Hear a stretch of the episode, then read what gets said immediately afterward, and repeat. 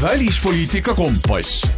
saate toob teieni Välisministeerium tere, hea kuulaja, Delfi taskus alustab järjekordne osa saatest Välispoliitika kompass ning kuna ilmad on läinud juba sombuseks ja külmaks, siis on paslik rääkida reisimisest ja seda väga olulise nurga alt, nimelt arutame täna selle üle, et millega peab arvestama, kui näiteks kolmandatesse riikidesse reisida ja mida saab Välisministeerium teha, kui eelistatud sihtkohta, sihtkohas hoopis sõda puhkeb.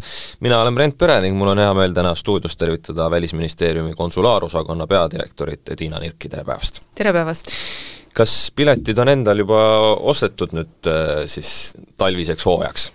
ei, endal ei ole pileteid ostetud, ma just tulin koolivaheaja lõpus tagasi reisilt Itaaliasse, kus oli tore, soe, turvaline. no Itaaliaga vist ei ole seda muret, et peab nüüd vaatama, et kas sinna tasub reisida, kas seal on mingid ohud ja nii edasi? no ka Itaalia või Euroopa Liidu liikmesriikidega tasuks nagu natuke vaadata ette, et mis seal toimub, et et tänapäeva ärevates oludes võivad seal ka olla aeg-ajalt mingid meeleavaldused, suvel olid ka looduskatastroofid, põlengud mõnes regioonis, et tasuks nagu tähelepanu pöörata just regiooniti, et kas seal toimub midagi ja kui siis on mingid meeleavaldused, siis kindlasti vältida neid kohti kas võib öelda, et Välisministeeriumi jaoks on praegu see reisimise tipphooaeg käes, nii et inimesed pöörduvad massiliselt oma küsimustega teie poole?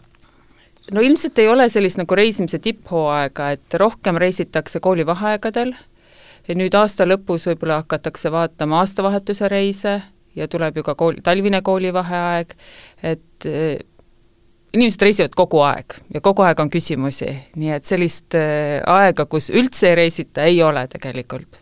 Samas on ju olemas Reisitargalt portaal, kas see ei vasta kõigile küsimustele ära või siis vastab, aga samas ei leita üles neid enda jaoks olulisi märksõnu?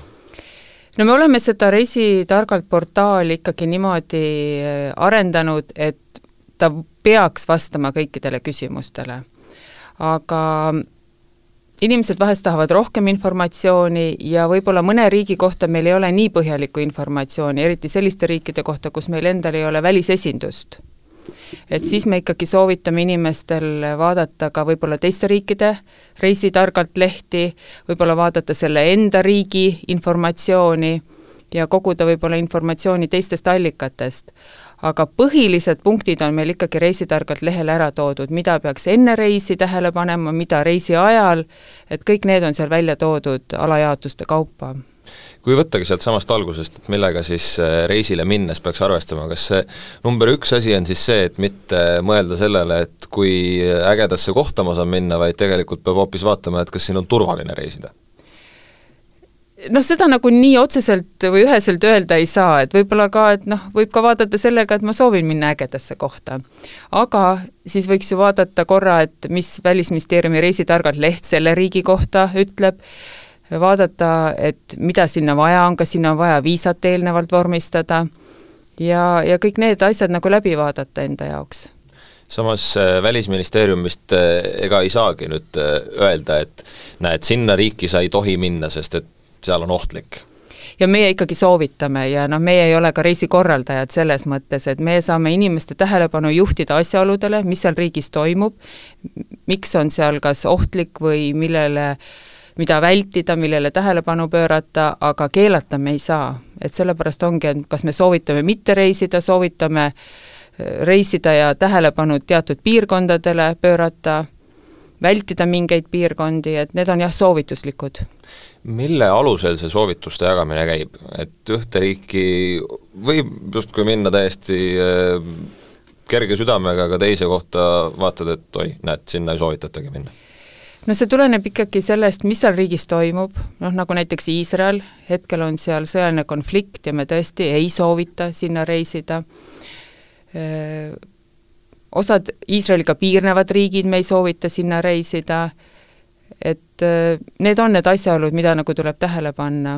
osaliselt on ju meil ka sellised piiratud reisihoiatused, et näiteks kui on kuskil tulekahju, et nendesse regioonidesse me ei soovita reisida, suvel oli näiteks Tenerifel, et tuli tähelepanu pöörata, et millises osas on tulekahju, et seda, seda regiooni vältida, et et äh, sellest need tulevad, et me kogume informatsiooni, mis seal riigis toimub, ja siis selle informatsiooni me sellele leheküljele üles paneme. kas mingisugused kohad on sellised ka, kus tõesti see reisisoovitus kõigub niimoodi ühele ja teisele poole, et vahepeal on justkui roheline tuli ja siis tuleb jälle see mittesoovituslik kord? no ühest äärmusest teise nad ikkagi ei kõigu. et ainult siis, kui on mingi looduskatastroof, siis noh, võtame näiteks mõne Euroopa Liidu liikmesriigi, kui on mingi looduskatastroof seal riigis või üleujutused, et siis me mingi aja jooksul ütleme, et ärge reisige sinna või olge väga ettevaatlikud. aga kui see möödub, siis on jälle roheline tuli. ja see äh, reisisoovituste nimekiri oli teie jaoks ka täpselt sama näiteks koroonakriisi ajal, ma saan aru? Jaa, noh koroonakriisi aeg me tõime nagu täpsemalt välja, et eh, mi-, millised need piirangud olid, millised olid maski kandmiskohustused, vaktsineerimised, kõik need, et siis sai nagu riigiti täpsemalt välja toodud. mis riigid praegu on, kuhu ei soovitaks väga minna? no Iisrael on üks, Afganistan, Liibüa, no ilmselt Venemaale ka ei soovita Venemaale, Valgevenesse me ei soovita reisida, noh Ukrainasse ka selle, sellel põhjusel, et, et seal on sõjaline konflikt. samas äh, Venemaa täpselt tundub sellisele tavalisele Eesti inimesele selline koht, et no miks sinna üldse minema peaks. ja siis tekib ka see tunne, et aga miks siis ei või seda täitsa ära keelata, et mis meil sinna Venemaale asja on? no meie ei saa üldse ära keelata selles mõttes, et me ei saa nagu piiri pa-, kinni panna, et me, vabad inimesed vabal maal peavad ikkagi ise neid otsuseid tegema, et kuhu ma reisin ja millised on need ohud, mis kaasnevad, kui ma Venemaale näiteks reisin. et me ei saa piiri kinni panna. kuigi me oleme kinni pannud nagu, et Venemaalt Eestisse või Venemaalt Euroopa Liitu ei saa Vene kodanikud väga lihtsalt reisida, me oleme kehtestanud sanktsioonid, piirangud peale pannud, aga Eesti inimestele me ei keela, me pöörame lihtsalt tähelepanu, et seal valitsevad ohud. mis puudutab nüüd äh, Lähis-Ida, siis äh, kuidas see eesolev äh, talv nüüd üldse on? pigem ma saan aru, et üdini ega see olukord seal nüüd nende väheste kuudega nii stabiilseks ei lähe, et sinna Välisministeerium päris soovitada saaks reisida? Ja me peame ikkagi ära ootama, et äh, kuidas äh, Palestiina-Iisraeli konflikt, kuidas see areneb, kuidas see mõjutab naaberriike, äh, sest praegult toimub ju põgenikevool Egiptusesse, kuidas see suund on, sest noh, hetkel Egiptusesse on turvaline reisida, eriti nendesse kuurortitesse, mis on kaugemal piirist, Iisraeli-Egiptuse piirist. aga eks me kogu aeg jälgime, mis seal toimub, et kas see eskaleerub, mitte, kuidas need sündmused arenevad ja vastavalt sellele siis ka muudame oma reisihoiatusi.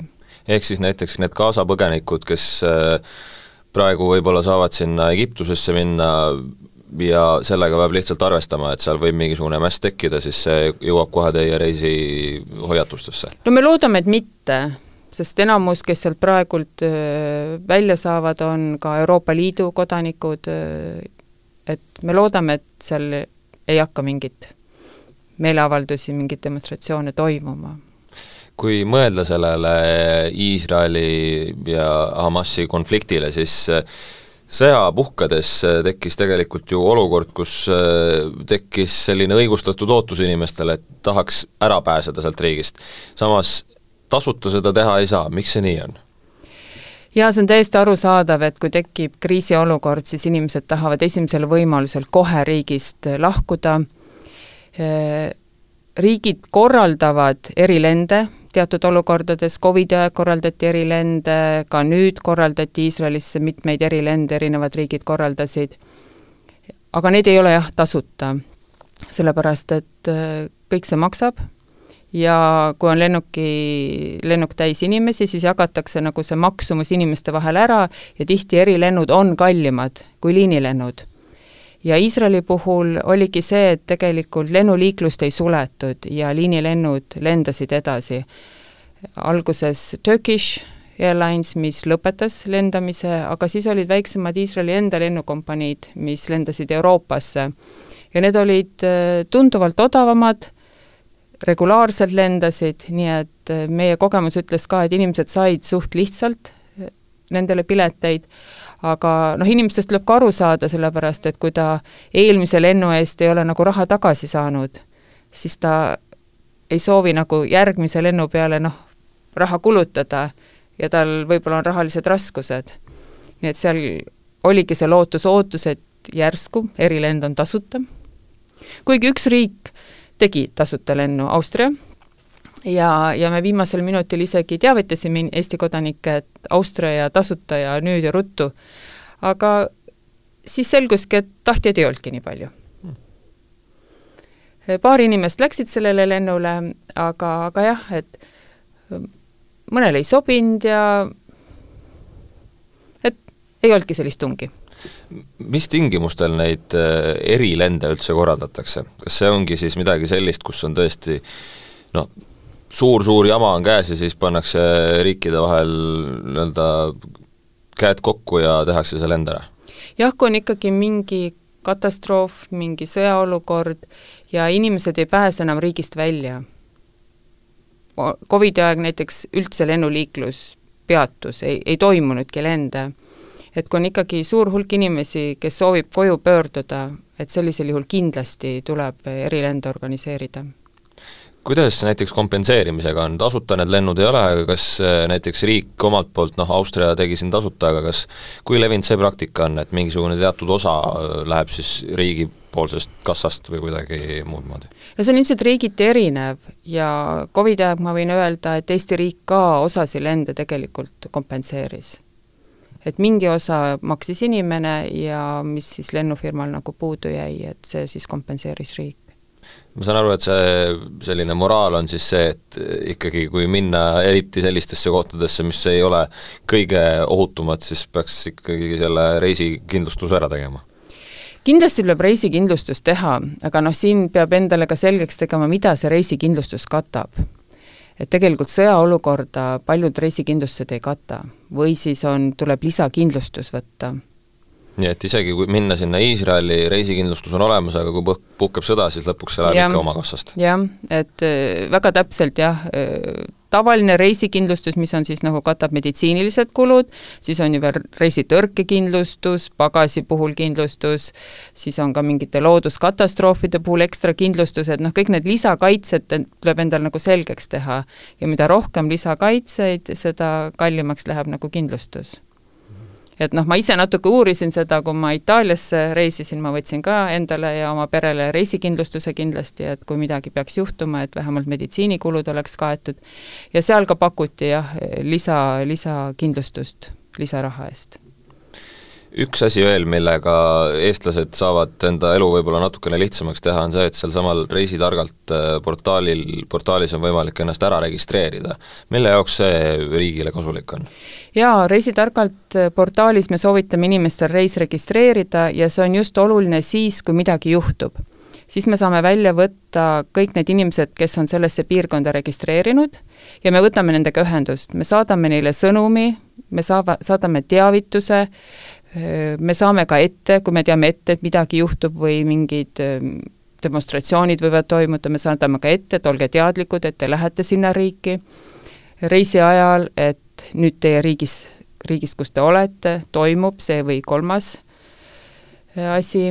Ja siis me anname ka juhised, et mida selle puhul teha, et reeglina tuleb kas võtta siis hädaabinumbriga ühendust või meile kirjutada või kui meil on seal riigis saatkond, siis meie saatkond koordineerib seda info jagamist ja inimestele nõuannete andmist.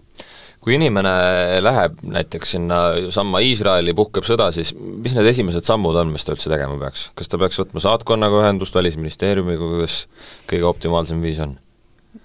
no kõige parem oleks muidugi meie saatkonnaga ühendust võtta, aga saatkond ei ole kakskümmend neli seitse lahti, meil on kakskümmend neli seitse hädaabinumber, siis võib hädaabinumbrile alati helistada ja me saame siis nõu anda. Kui on reis registreeritud, siis me juba ise võtsime nende inimestega ühendust ja teavitasime neid. ja andsime esmased juhised, et mida teha. mida saatkond seal kohapeal teha saab, selle jaoks, et inimestel parem oleks? No saatkond kaardistab, kes need on, mis on nende soovid ja antud juhul Iisraeli saatkond tegi isegi äh, sellise ütleme, infolehe, et millised lennud lendavad, millistel päevadel, millistel kellaaegadel ja inimestele sai soovitatud, et kuhu minna. Ja kui hakkasid teiste riikide erilennud, siis me informeerisime ka nendest, sest Soome, Läti, Austria, Saksamaa, Prantsusmaa, et noh, kõik nagu pakkusid, et, et saab ka teatud arv kohti, Eesti kodanikud sinna lennule ja siis me andsime teada, et sellised lennud sellisel päeval ja andke kohe teada, kas te soovite seda kohta või mitte.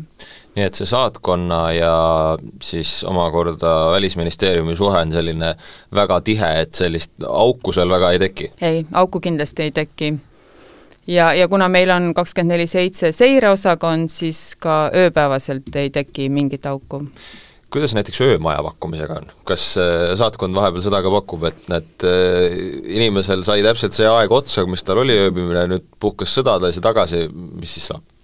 ja öömaja kahjuks saatkonnad ei paku, aga me saame jälle soovitada, et kas on mingid odavamad hostelid, mingid majutuskohad, et kust inimene siis äh,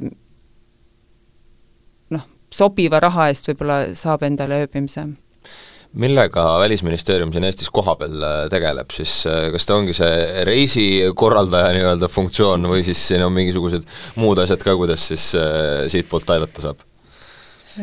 no selles mõttes, et ikkagi nõustada saame, kas konsulaarteenuste, konsulaarabi osas, et kõikide, kõikide nende erinevate teenuste osas me saame inimesi nõustada reisidokumentide taotlemisel, reisidokumentide kaotamise puhul, kõik nendes asjades me anname nõu. Ja kui siis noh, reisil midagi juhtub, sest äh, ütleme, et noh, meil ei ole saatkondi kõikides maailma riikides, siis eriti, kui juhtub mingi õnnetus, mingi probleem tekib kolmandas riigis, kus meil saatkonda ei ole, siis ikkagi Välisministeerium koordineerib seda, et et mida teha, kui ka-, kaob dokument et kui dokument kaob, siis kas äh, meie aukonsul saab aidata riigis, kus meil ei ole saatkonda, või mõni teine Euroopa Liidu liikmesriik saab aidata, kui inimene haigestub, kui teki-, on mingi õnnetusjuhtum, et siis me kõik nõustame, et mida sellisel puhul teha, kellega ühendust võtta, kust saaks abi.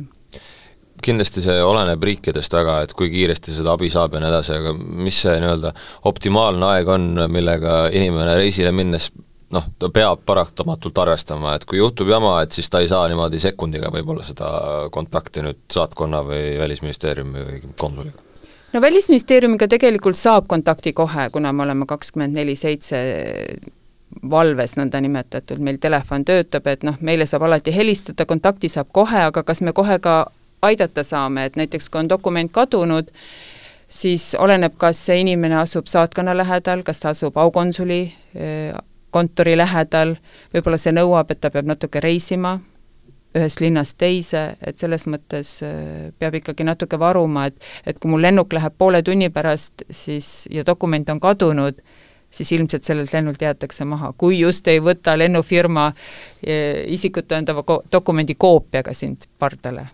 Kui äh, hõlbus see protsess üldse on, et kui ma nüüd kaotan, okei okay,, Euroopa Liidu mm -hmm. ID-kaardi ära või kuskil mujal passi, et siis noh, kui kiiresti ma üldse võin selle nüüd päriselt endale kätte saada, et sealt tagasi kuidagi pääseda?